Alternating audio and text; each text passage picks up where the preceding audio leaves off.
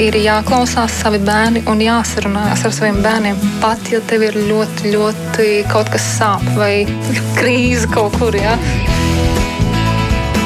Mēs tiekamies ģimenes studijā.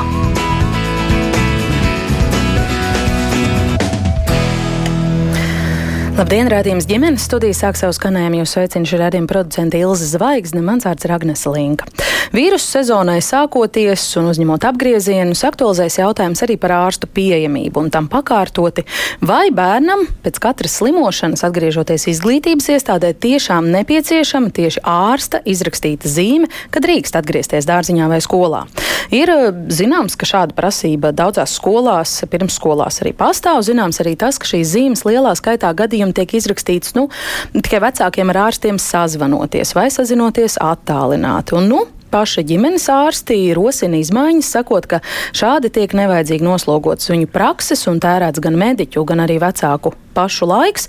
Pār visam atklāts, protams, paliek arī jautājums, kā mazināt situācijas, kad izglītības iestādēs ierodas infekciozi bērni, kas tur aplipina arī citus, kā veicināt vecāku līdzatbildību par sasirgušu bērnu nevešanu publiskās vietās un sabiedrībā. Par to šodien diskusija ģimenes studijā, un tajā piedalīties ir aicināts šeit klātienē sveicinu privāto pirmsskolu izglītības iestāžu asociācijas un privāto bērnu dārzu Kreakits vadītāju Dainu Kāņu. Labdien! Labdien!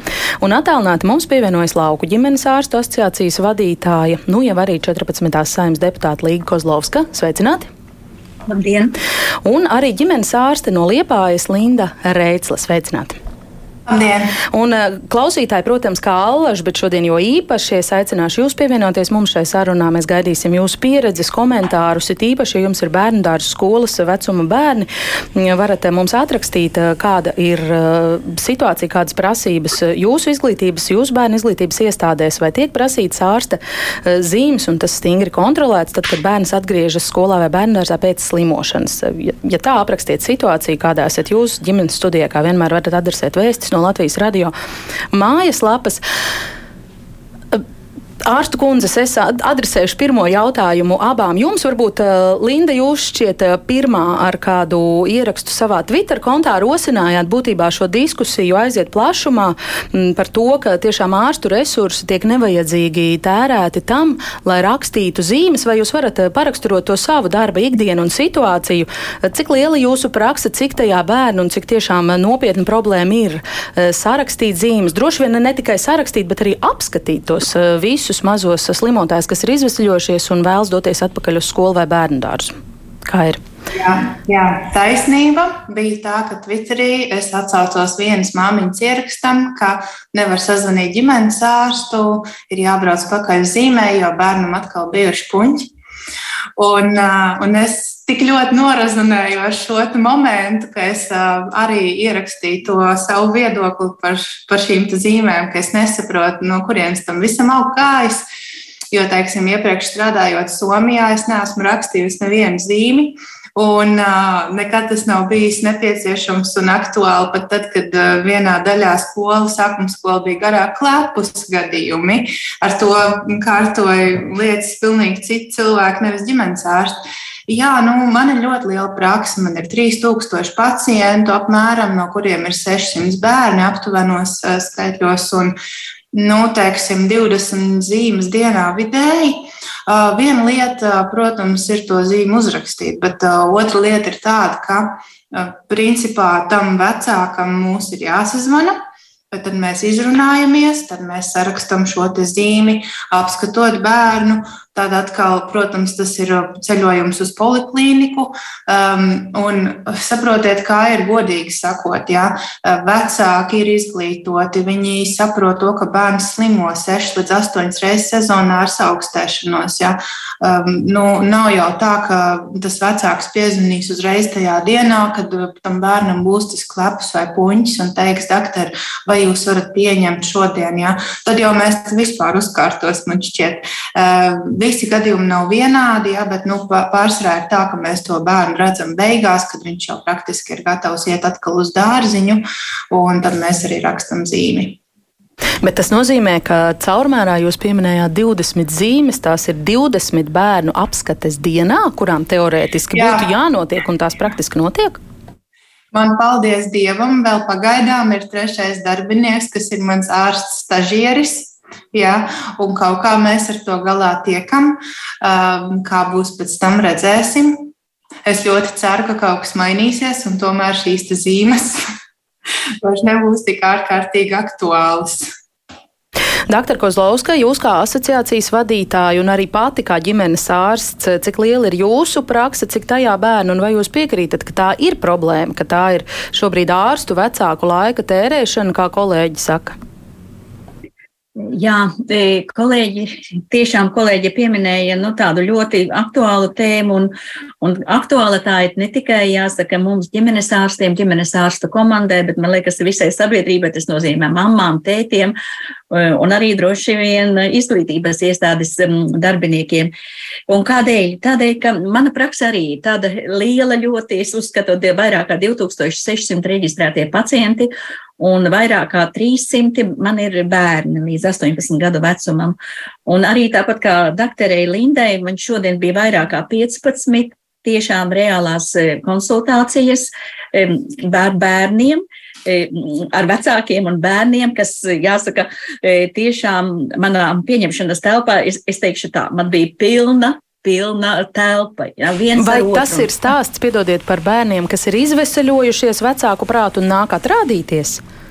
Un te jau ir tas īpašais stāsts, ja, ka atnākuši bērni gan ar svaigiem vīrusu infekcijas simptomiem, gan arī tādus mammas ir atveduši, kuri ir izveseļojušies. E, bet dabiski ģimenes ārsts ir uzticības persona, un man arī ir liela komanda, tāpat kā doktorei Lindai, e, trīs palīgi un viens jaunais ģimenes ārsts, kas pie manis strādā, tā kā mēs jau to darbu ļoti sadalām. Bet e, vienalga, piemēram, mani, mani vecāki ar saviem bērniem ļoti daudz gaida rindā tieši tieši pie manis, ja, jo es esmu kā uzticības persona daudzu gadu garumā, un viņi vienalga grib, lai es viņus paklausos. Dabiski es šos bērnus zinu visus. Man ir, es teikšu, nevis laikam 99, bet 100% profilaktisko apskašu eh, nu, aptvere gadā. Jā, tas nozīmē, ka es savus bērnus zinu. Es zinu bieži slimojošos bērnus. Es zinu, ka bērniņš līdz trīs gadu vecumam, piemēram, slimo piecas, sešas reizes ziemā, bet tiešām ir bieži tikai puņķi, ja, iesnas, vai arī nu, neliels klepus. Un, ziniet, nav jau tā, ka mēs gribam kaut kādā veidā atfutbolēt šos bērnus vai vecākus, ja tādēļ, ka negribam uzklausīt vai, vai izklausīt šos bērniņus. Eh, bet mēs zinām, es izrunājoties, tāpat kā mana kolēģe teica, telefonu konsultācijā, attālinātajā konsultācijā noskaidrojam šo nu, situācijas smagumu. Un, ja bērnam ir vēl bronhiāla astma vai cita kroniskā slimība, nu, ne jau tikai runai par, piemēram, otro, pirmo dienu, bet mēs cik reizes vajag, tik arī aicinām, lai izvērtētu dinamisko stāvokli. E, bet tā pašā laikā es gribu teikt, jā, ļoti daudzas reizes es varētu teikt, gan, man liekas, gan vecāki būtu mierā, gan arī mēs ģimenes ārsti, ka pēc trijām vai piecām dienām šo zīmi varētu uzrakstīt paši vecāki. Jo bērndārs jau, bērndārzā jau izglītības iestādes darbinieki, jau paši negribēs pieņemt e, bērndārzā atkal slimu bērnu. Ja?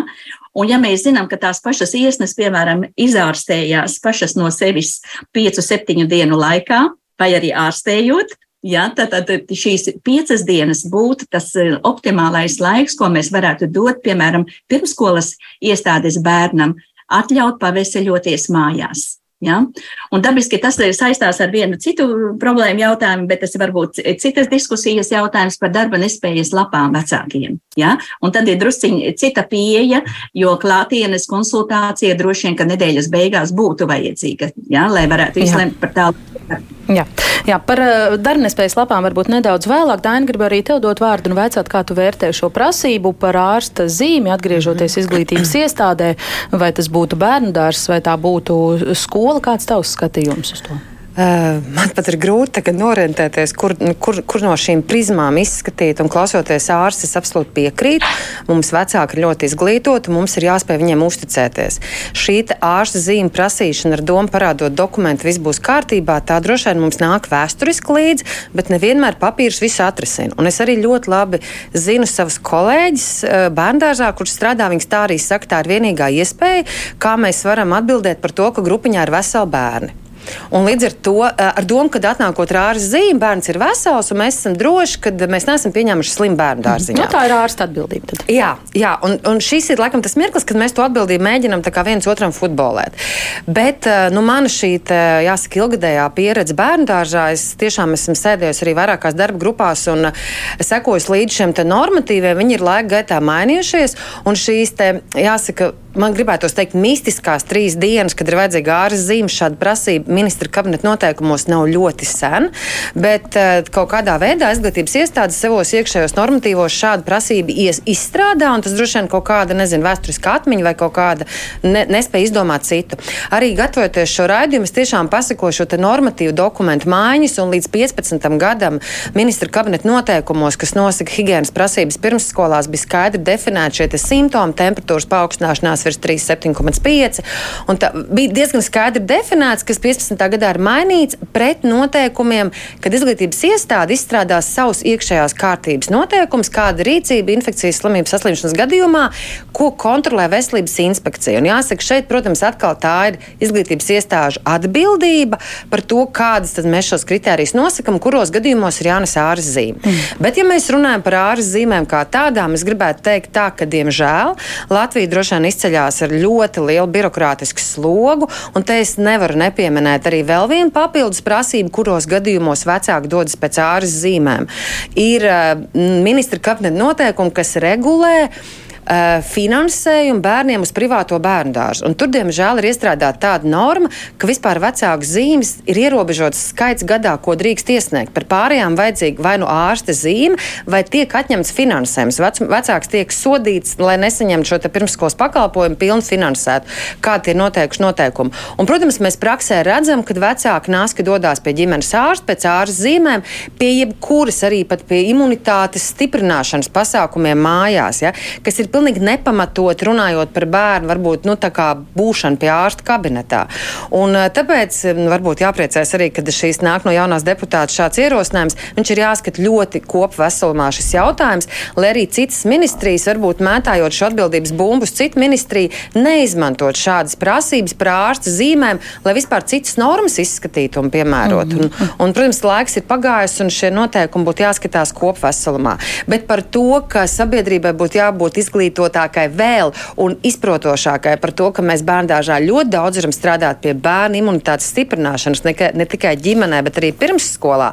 Par to gan laikam ir vērts runāt, un par to ir jārunā, lai mēs tikai neteiktu to, kas ir jāizbeidz, bet ko mēs liekam vietā. Uh mhm. -huh. Un, ja es varu padalīties savā praksē, tad jāsaka tā, ka, protams, vienmēr par šiem uh, gadījumiem, ka, kas, ko, ko nozīmē vesels bērns un kādos gadījumos nevajadzētu apmeklēt pirmsskolu, vislabāk ir runāt mācību gada sākumā, kad vēl šis jautājums jautājums nav eskalējies tādā konflikta situācijā, diezgan bieži starp vecākiem, jo viens otru sāk izvērtēt. Viņš ir atnācis saslims, un viņam ir klepas, un, un viņam ir puņķi, un tad jau sākās diskusijas, kādas konsistences un krāsas un tā tālāk.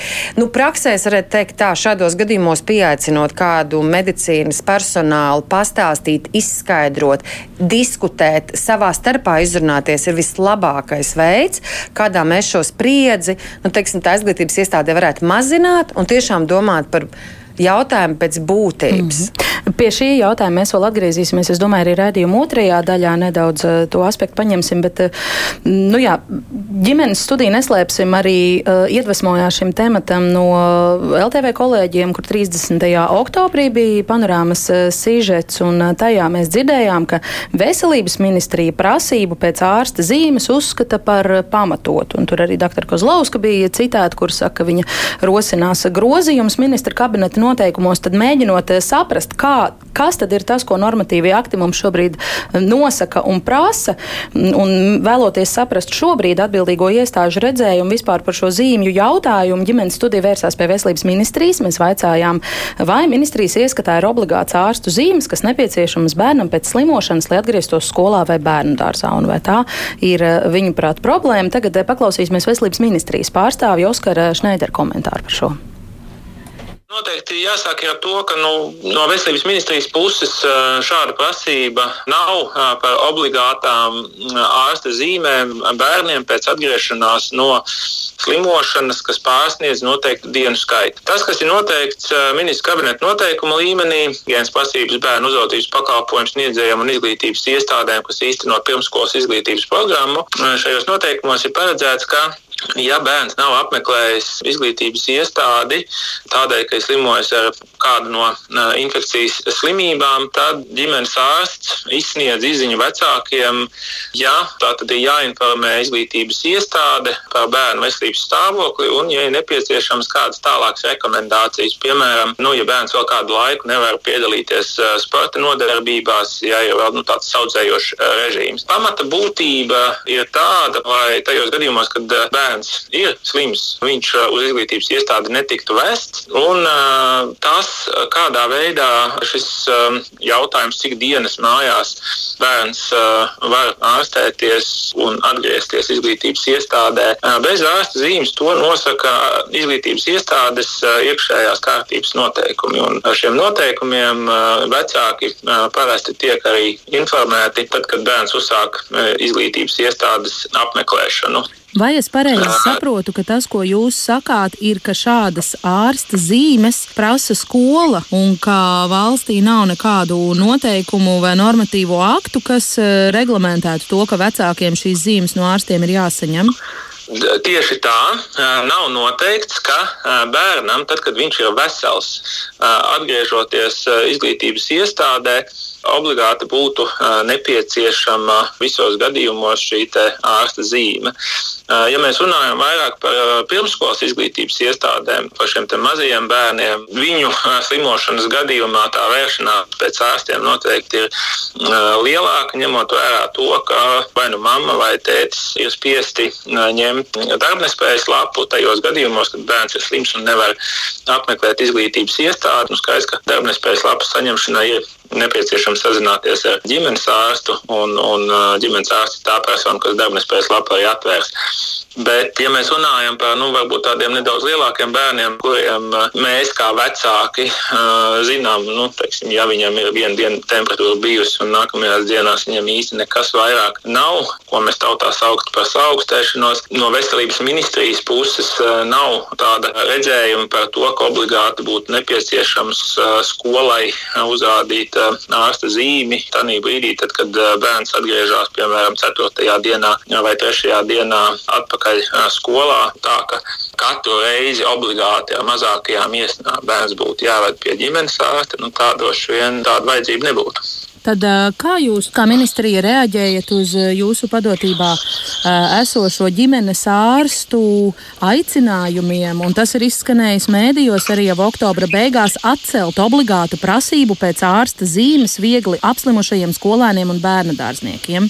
Jūs sakat, ka valstī nav šādas prasības, ko ārsti aicina atcelt? Divas lietas, droši vien ministra kabineta noteikumos, kā jau es minēju, nu, nav noteikts, pēc cik dienu slimošanas atgriežoties būtu jāuzrāda izziņa par to, ka bērns ir vesels un drīkst atgriezties izglītības iestādē. Noteikumos šādas prasības nav. Izglītības iestāžu iekšējās kārtības noteikumi, kurus izstrādā attiecīgi izglītības iestādes, var būt noteikta kārtība, kādā veidā organizēt darbu un, un kādā veidā maksimāli radīt tādus apstākļus, lai novērstu vai līdz minimumam samazinātu riskus, kāda izglītības iestādē var izplatīties kādas infekcijas slimības. Es domāju, ka šis ir jautājums, ko kopīgi ar Izglītības un zinātnes ministriju un ģimenes ārstiem var pārskatīt, saprast, kurā vietā veidojās viedokļu atšķirības par to, kādā veidā šis darbs būtu jāorganizē. Un, ja ir nepieciešams, tad vai nu precizēt iekšējās kārtības noteikumos, vai sagatavot papildus kādu skaidrojošu materiālu izglītības iestādēm par to, kādā veidā traktēt šo kārtību, lai mēs būtu vienotā izpratnē. Mm -hmm. Bet es atvainojos, es jūs pārtraukšu, jā, jā, lai, mēs, jā. lai mēs tomēr saprastu, vai mēs runājam par vienu un to pašu. Es lasu, es šobrīd atvēru paralēli 30. oktobris ir panorāmas sižets un attiecīgi LSMLV portālā ziņa aicina atcelt obligātu prasību pēc ārsta zīmes viegli apslimušiem skolēniem un bērnu dārzniekiem. Un šeit rindkopā pie beigām ir teikts noteikumi, ka bērnu dārzniekam vai skolēnam atgriežoties pēc prombūtnes, kas ilgāk par trim dienām jānāk ar ārsta zīmi, rakstīti pamatojoties uz valdības noteikumiem, kas pieņemti pirms deviņiem gadiem. Un tālāk nākamajā rindkopā ministrija prasību pēc ārsta zīmes uzskata par pamatotu. Un tālāk citēt lauka ģimenes ārsta asociācijas vadītāja, kura sola rosināt mainīt šos noteikumus.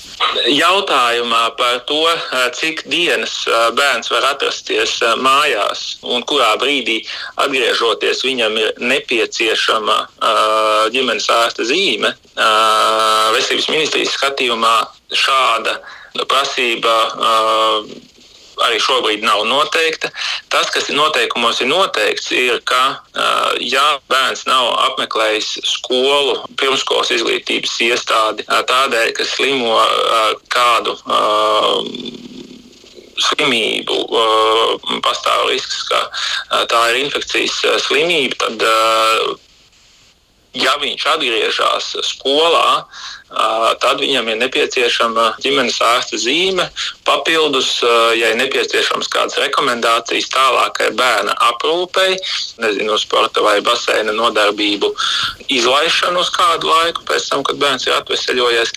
Tādos apstākļos ārsta zīme uh, ir nepieciešama, bet prasība par to, ka katru reizi obligāti bērnam vajag pēc uh, slimošanas ārsta zīmi, tāda prasība noteikumos minēta nav. Tad ārsti jūs neizprot vai vecāki neizprot? Vai izglītības kas... iestādes iespējams arī ļoti strikti pieturās uh, pie dienu skaitīšanas, iespējams, ka nepieciešams ir satikties kopīgi ar izglītības sektoru un ģimenes ārstiem par to, kādā veidā panākt vienotu izpratni par šo jautājumu. Piedodiet, vēl iestarpināšu.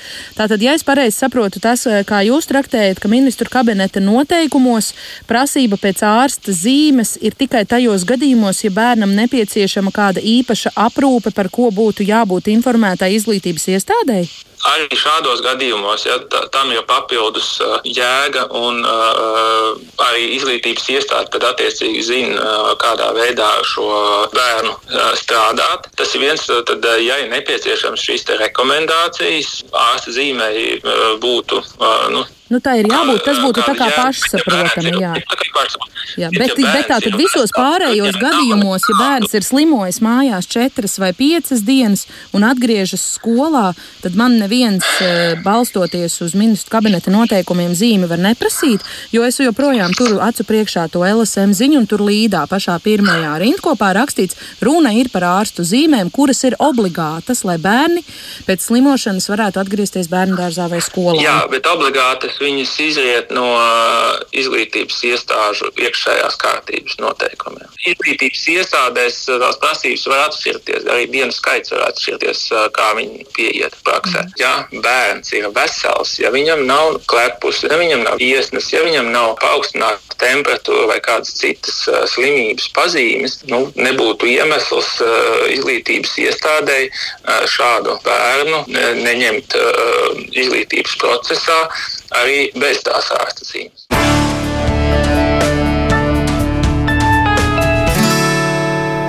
Tātad, lūk, šāda veselības ministrijas pārstāvja Oskara Šneidera interpretācija, skaidrojums konkrētiem ministru kabineta noteikumiem. Nu, pēc ministrijas pārstāvja teiktā, tad sanāk, ka prasība par ārsta zīmēm eh, bērnam pēc slimošanas atgriežoties bērndārzā vai skolā uztur tiešām pašas izglītības iestādes, normatīvi akti to mums īsti nepaģērē, un eh, ģimenes ārsti un vecāki tad īsti nesaprot, nav šīs vienotās izpratnes. Eh, Dr. Kozlauska, kā komentēsiet dzirdēto? Nu, ja mūsu valstī tomēr likumdošana, es domāju, ir saistīta ļoti bieži starp dažādām nozarēm. Un šī gadījumā mm, dabiski arī Šneidera kungs varbūt arī kaut ko pareizi teica, vienu lielu daļu, e, ka to nosaka izglītības likums. Ja? Tātad saskaņā ar izglītības likuma, tātad 14. panta 35. punktu, ir, ir noteikta šī kārtība. Ja? Šiem MK noteikumi tātad pieņemti un kārtība, kādā izglītības iestāde informē izglītojamo vecākus par um, vai, vai valsts iestādes, ja izglītojamais, bet bez attaisnojuša iemesla neapmeklē izglītības iestādi. Un šeit arī, arī vienā no punktiem, septītajā punktā, arī ir teikts, jā, ka ja izglītojamais nav apmeklējis izglītības iestādi vairāk nekā trīs mācību dienas, tad tādā gadījumā šis, jāsaka, neierašanās iemesls nav uzskatāms par attaisnojušu. Tāpat kā arī Jāsaka, izglītības kolēģi, nu, kolēģi no izglītības nozares arī teica par šīm 20 mācību stundām semestrī. Ja? Tātad, ja nav šīs e, stundas, jāsaka, bez attaisnoša iemesla, tā tad ir kavētas, tad tas nozīmē, ka ir, ir problēmas jau skolai. Ja? Un savā veidā skola ir tā, un arī mm, bērnu dārzi ir, kas mm, savā veidā pieņem šos iekšējos kārtības noteikumus par šīm obligātajām trīs, vismaz trīs dienām. Kā jau arī kolēģi teica, tas ir šis, mm, šīs trīs dienas ir aiznākušas no nezinu, kādiem vēsturiskajiem laikiem. Ja? Bet, akte, Bet, kas ir tas, ko jūs plānojat rosināt, grozīt vai mainīt?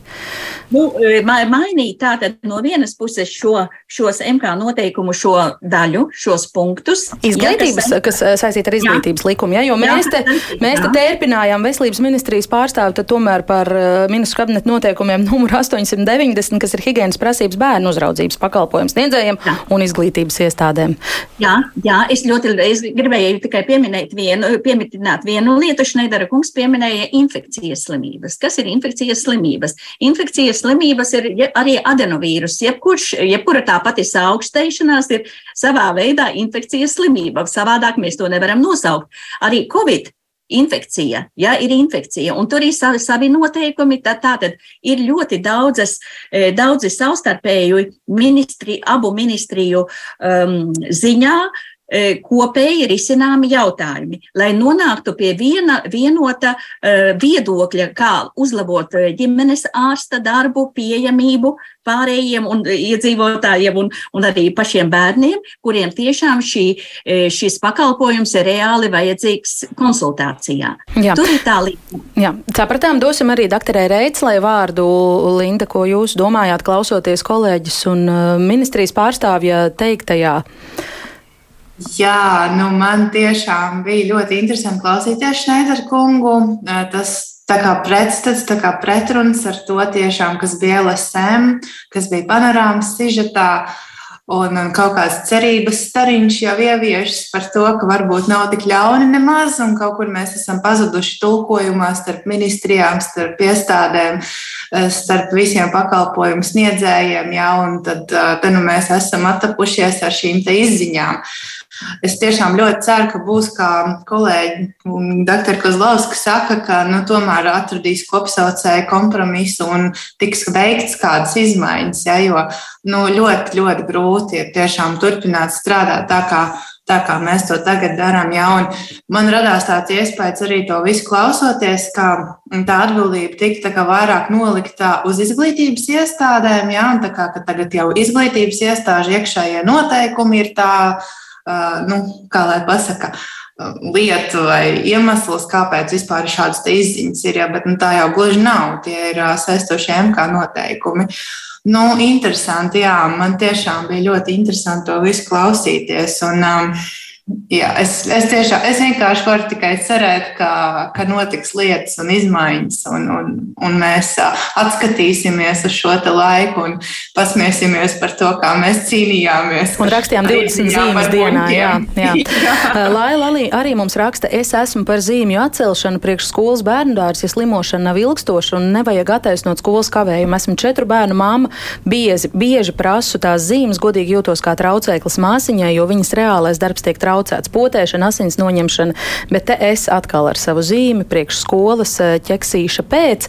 Uh, Linda, varbūt es varu arī jums īsi palūgt paraksturot to situāciju, kāda ir eh, jūsu iepriekšējā pieredze darbā Somijā, kā tur ir tas ticis organizēts tiešām, lai izglītības iestādēs nenonāktu, neietu tie, kas ir puņķēni, klepēni, infekciozi? Jā, tātad, nu, acīm redzot, ir arī savs nianses sabiedrības veselības pratībā.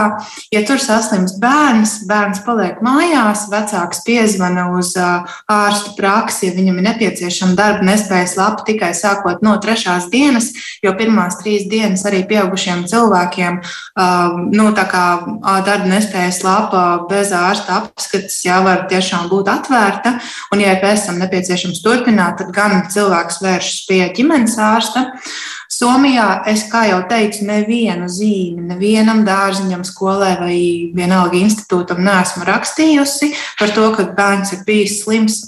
Uh, slimi bērni nāk uz vizītēm. Uh, mēs uh, galvenais atgādināsim klausītājiem, ja mēs nerunājam par to, ka ģimenes ārsts negrib pieņemt slimu bērnu, Te ir tiešām runa tikai par izziņām, ja, lai nepārprot.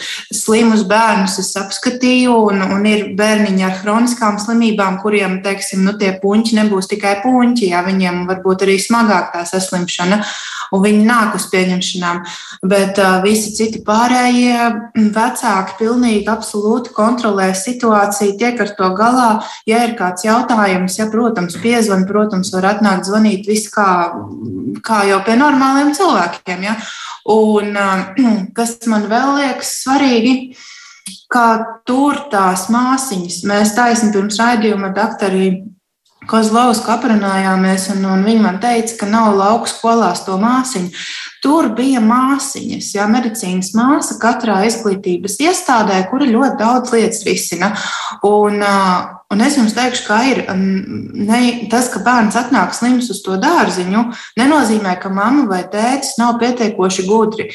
Tiešām realitātē var būt tā, ka no rīta to samiegoto pikuci aizved uz dārziņu, liekas, viņš ir pilnīgi ok, un pēc pāris stundām viņam jau ir klepus, sarkani vaidziņa, temperatūra jau, un tad tā māsiņa organizē to, kā zvana vecākiem, vecāki brauc pakaļ bērnam, tiek nodota informācija arī, ja nepieciešams, doktoram, bet ļoti rēti pārstrā to tālāk dara nu, vecāki, tāpat kā pie mums. Jā.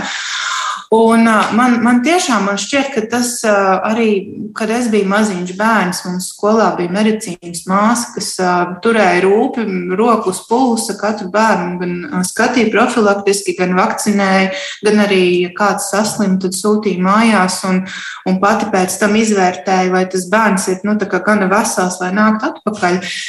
Nu, laiki ir mainījušies, un tas, protams, ir papildus resursi, ja, un mums jau tā ir grūti ar medicīnas māsām. Bet tas tikai kā ilustratorija, teiksim, ka uh, mums ir tādi robi, teiksim, man tādas aizdomas, ka tās medicīnas māsas tikai kontrolē, vai ir tā izziņa, un punkts. Ja? Un, un vairāk neko. Jā. Mums tieši kāda skolas medmāsa ir atrakstījusi, Iveta saka, ka viņa strādā skolā par medicīnas māsu jau 20 gadus un vienmēr ir bijuši gadījumi. Un būs tāda gadījuma, ka jau no rīta pulksten astoņos pie māsiņas ierodas bērni ar veselības sūdzībām uz jautājumu, vai mājās vecākiem teica, ka ir slikti. Bērns atbild, ka vecāki teikuši, ja paliek sliktāk, aizēj pie māsiņas. Nav un nebūs visi vecāki atbildīgi, un vai vecāki visi vispār saprot, kas ir infekcijas slimības pazīmes. Tā raksta raksta Iveta.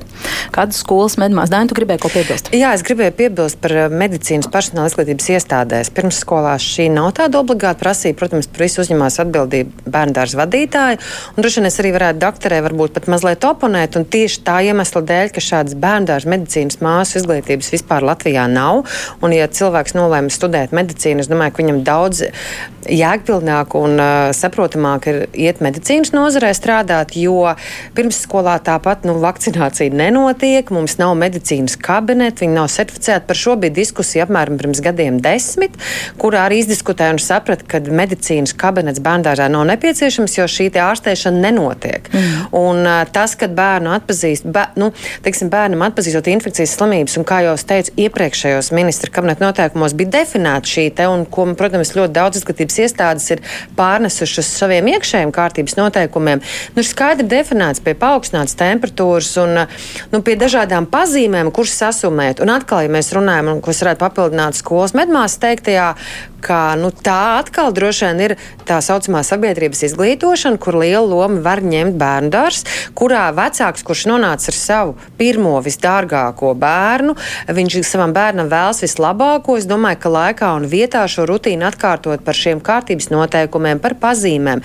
Tā ir saruna, seminārs, diskusija, vienalga tējas pēcpusdiena. Nu, tas ir jādara, tas ir jādara laicīgi, tas ir par to ir jārunā, jo mēs nevaram par vienu bezatbildīgo vecāku attiecināt šo sistēmu uz visiem vecākiem. Tad mēs tiešām, nu, es nezinu, cik vēl vajadzētu ģimenes ārstu un cik vajadzētu viņiem palīdzēt, lai spētu dru, drukāt zīmes uz visām pusēm. Mums ir jā, tomēr jāpļaujas to, ka sabiedrībā vecāki ir ļoti atbildīgi. Mums ir jānodod laikā un vietā pareizā informācija viņiem un jāturpina vienam otram uzticēties. Un tad, protams, ir šīs situācijas, kurā bērns ir saslims, kurā ir vajadzīga ārzīme, par to neiet runa. Un es arī neesmu par to, ka, nu, protams, kad ir visu laiku ir izglītības iestāde, ir jāseko, lai uz viņu nāktu veseli bērni. Mm, -hmm, jā. tu tādu ļoti skaistu ainu par to uzticēšanos vienam otram uzzīmēji. Protams, Agita mums, starp citu, ienes jaunu aspektu mūsu sarunā. Viņa raksta zīme, ārsta zīme ir nepieciešama, jo tas ir saistīts ar ēdināšanas pakalpojumu sniegšanu izglītības iestādē.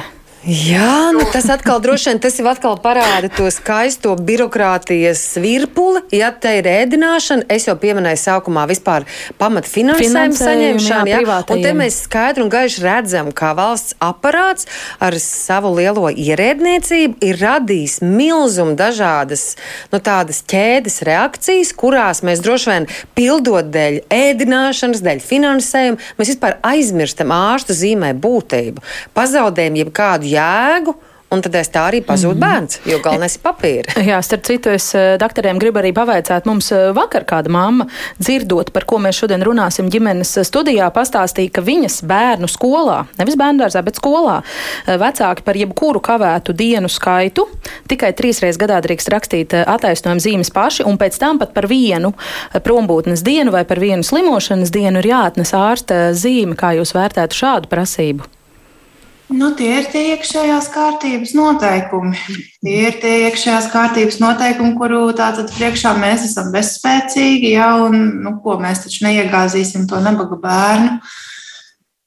Lai saka, es piekrītu Dainai par tām bērnu māsīņām. Pavisam noteikti. Jā, nu tas ir galīgi greizi tagad uh, mums meklēt tam resursu, un, un tas nebūs risinājums pavisam noteikti. Tas vienkārši tā mazliet uh, reflektējot savu bērnību, atceros, ka nu, bija tādi laiki, un tagad jau ir pavisam citi laiki. Mums vajadzētu rīkoties līdzīgi kā Igaunija un Lietuva, kas šito ir visu izskauduši padarīšanu. Ņemot vērā, ka medmāsu trūkst pat intensīvās terapijas nodaļās. Kozlovska vēl kas varbūt piebilstams jums?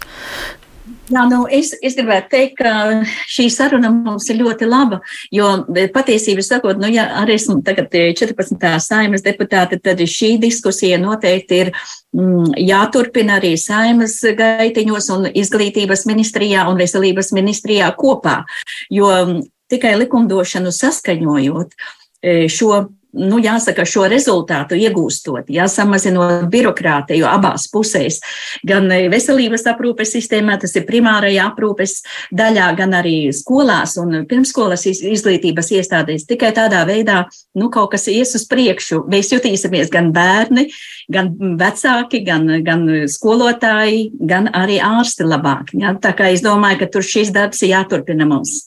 Ja, ļoti dusmīgu ēpastu mums ir atrakstījis Guntis. Visu es necitēšu, nebūs pieklājīgi, bet viņš apraksta situāciju, kurā viņš pats ir bijis slims divas eh, nedēļas un bērnus ir nevedis tajā laikā uz dārziņu. Tad, kad viņš iet pie ārsta pēc uh, savas eh, noslēgtās slimības lapas, tad viņam ir jāsaņem arī par viņa veselajiem bērniem ārsta zīme, ka viņi ir izvesaļojušies, kaut gan slimi nav bijuši.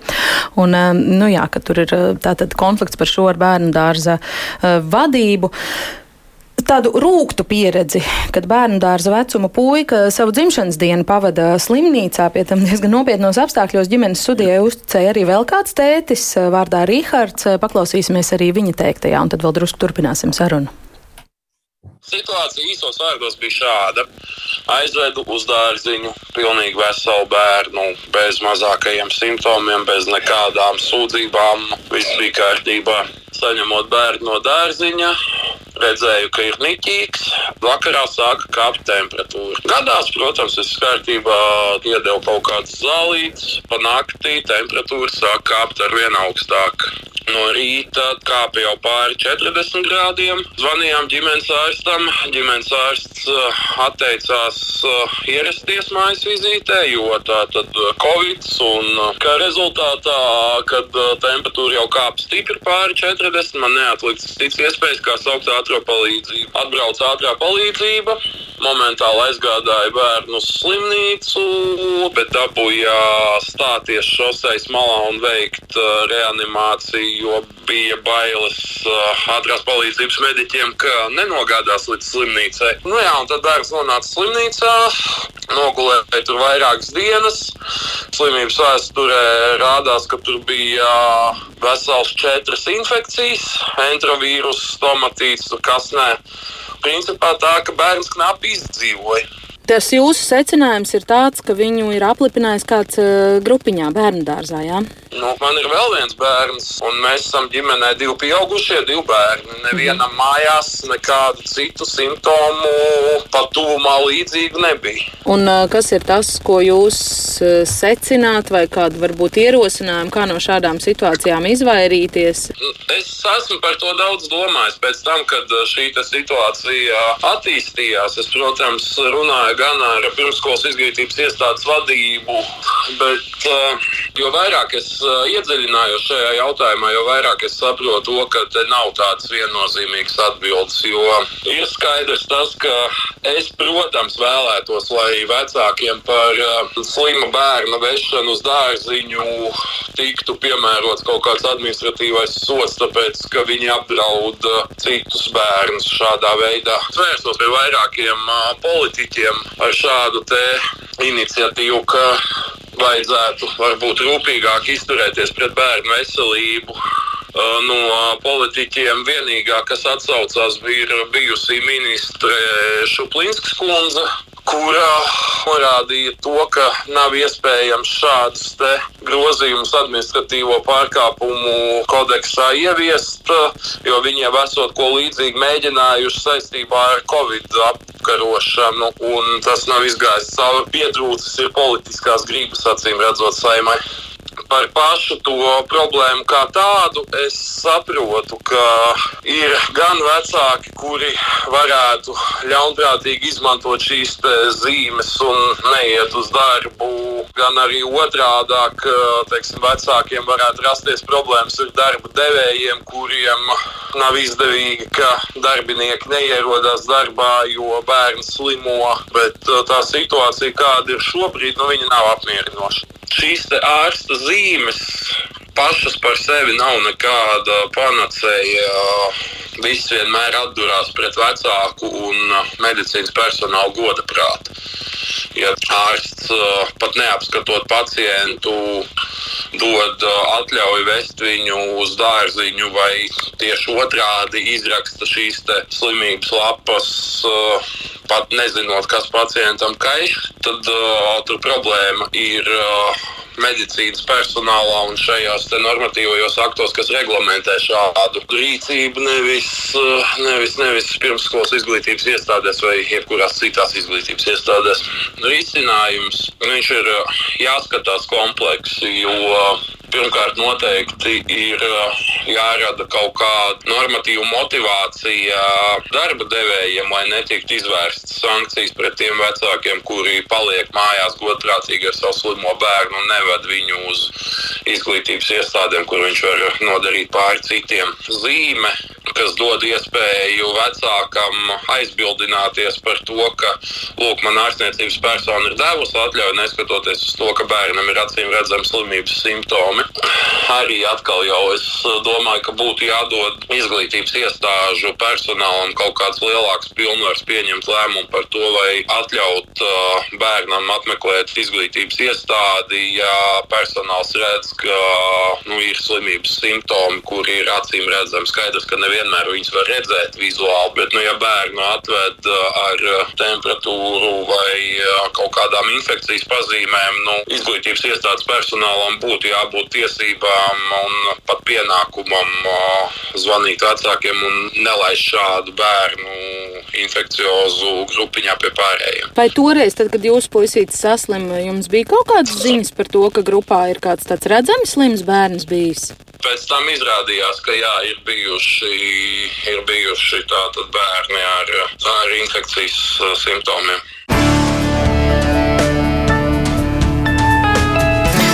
Tāds lūk, tētas stāsts, un jā, to komentējot, mēs varētu pāriet atlikušajās redzījuma minūtēs pie, pie kādām domām, nu kā tad tomēr varētu ierobežot tās situācijas, tos gadījumus, kad skolā vai bērnu dārzā ierodās acīm redzami uh, slims bērns un aplipina citus, varbūt arī ne acīm redzami slims, varbūt tie simptomi nemaz nav eh, pamanāmi, bet eh, tiesa gan mums ir vēl diezgan daudz ēpastu arī no, vecā, no citiem vecākiem, kuri raksta, ka nemaz tik godprātīgi mēs kā sabiedrība viens pret otru un nesam. Un, un, jā, ļoti bieži ir tā, ka mēs izturam savus bērnus mājās, izveseļojam, un tad aizved uz turieni, kur ir kāds klepains puņķēns priekšā. Daina, ko tu domāji, klausoties uh šie divi gadi, ko mēs esam pavadījuši tādā Covid zīmē, uh, liek mums izdarīt secinājumus. Un, ja ārstu nozare ir pārslogota un cilvēki nevar saņemt medicīnisko palīdzību, kas ir nepieciešama, vai tiešām nav īstais laiks mazināt birokrātiju, jo mēs nevaram atļaut, mums nav iespēja dubultot ārstu skaitu valstī. Tā pašā laikā, klausoties tēti, arī man kā trīs bērnu mammai, nonākot dažādās savās dzīves situācijās, tas ir sāpīgi, bet es nedzirdēju to, vai ir bijusi saruna ar izglītības iestādi. Jautājums ir bijis risināts pēc būtības. Jo, kā es vienmēr vecākiem saku, svarīgi ir jūsu bērnu imunitāte. Un, nu, tā kā bērnu dārzā iegūt vienā dienā četras infekcijas slimības, nu, tur droši vien vajadzēja būt daudz dziļākai sarunai un izpratnē ar sodu metodi, sabiedrību audzināt. Man liekas, tas ir pārāk ilgi mums jau bijis, vēl joprojām turpina, un tas nenesīs rezultāts nekādā gadījumā. Mm. Tad man droši vien būtu pretjautājums, nu, kāds ir tas risinājums? Risinājums dubultot ārstu skaitu Latvijā. Lai tā kā visu atbildību uz ārstiem, nu ir pienācis laiks, kad sabiedrībai kā kopveselumam ir jāuzņemās atbildība un ir jākļūst atbildīgākiem. Un varbūt koncentrējamies uz tiem, kas ir atbildīgi. Stāstam šos stāstus, ja nevis tajā otrā grāvī dzīvojam par to, cik mēs visi esam bezatbildīgi un tikai papīra atrisinās mūsu attiecības. Nu, tā ir realitāte, ar ko mēs saskaramies. Kāda klausītājums arī raksta, es pats strādāju pirmsskolā, diemžēl Regulāri sastopos ar vecāku, viņi liek pēdiņās sazāļotiem bērniem, no rīta iedod zāles, lai nebūtu temperatūras, un pēc pāris stundām viņi atkal jūtas slikti un tā regulāri. Saprotu, ka nevar paņemt eh, vecāku slimības lapas, jo bērni slimo bieži, bet šis ir briesmīgi.